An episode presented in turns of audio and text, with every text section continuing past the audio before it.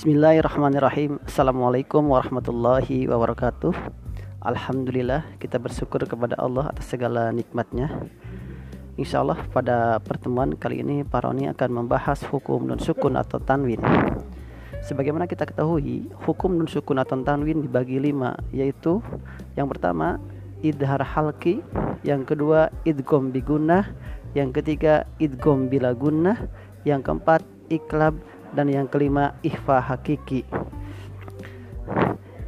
Yang pertama kita akan bahas secara detail di mana idhar halki ialah nun sukun atau tanwin bertemu salah satu huruf hamzah ha ho ain gin ha.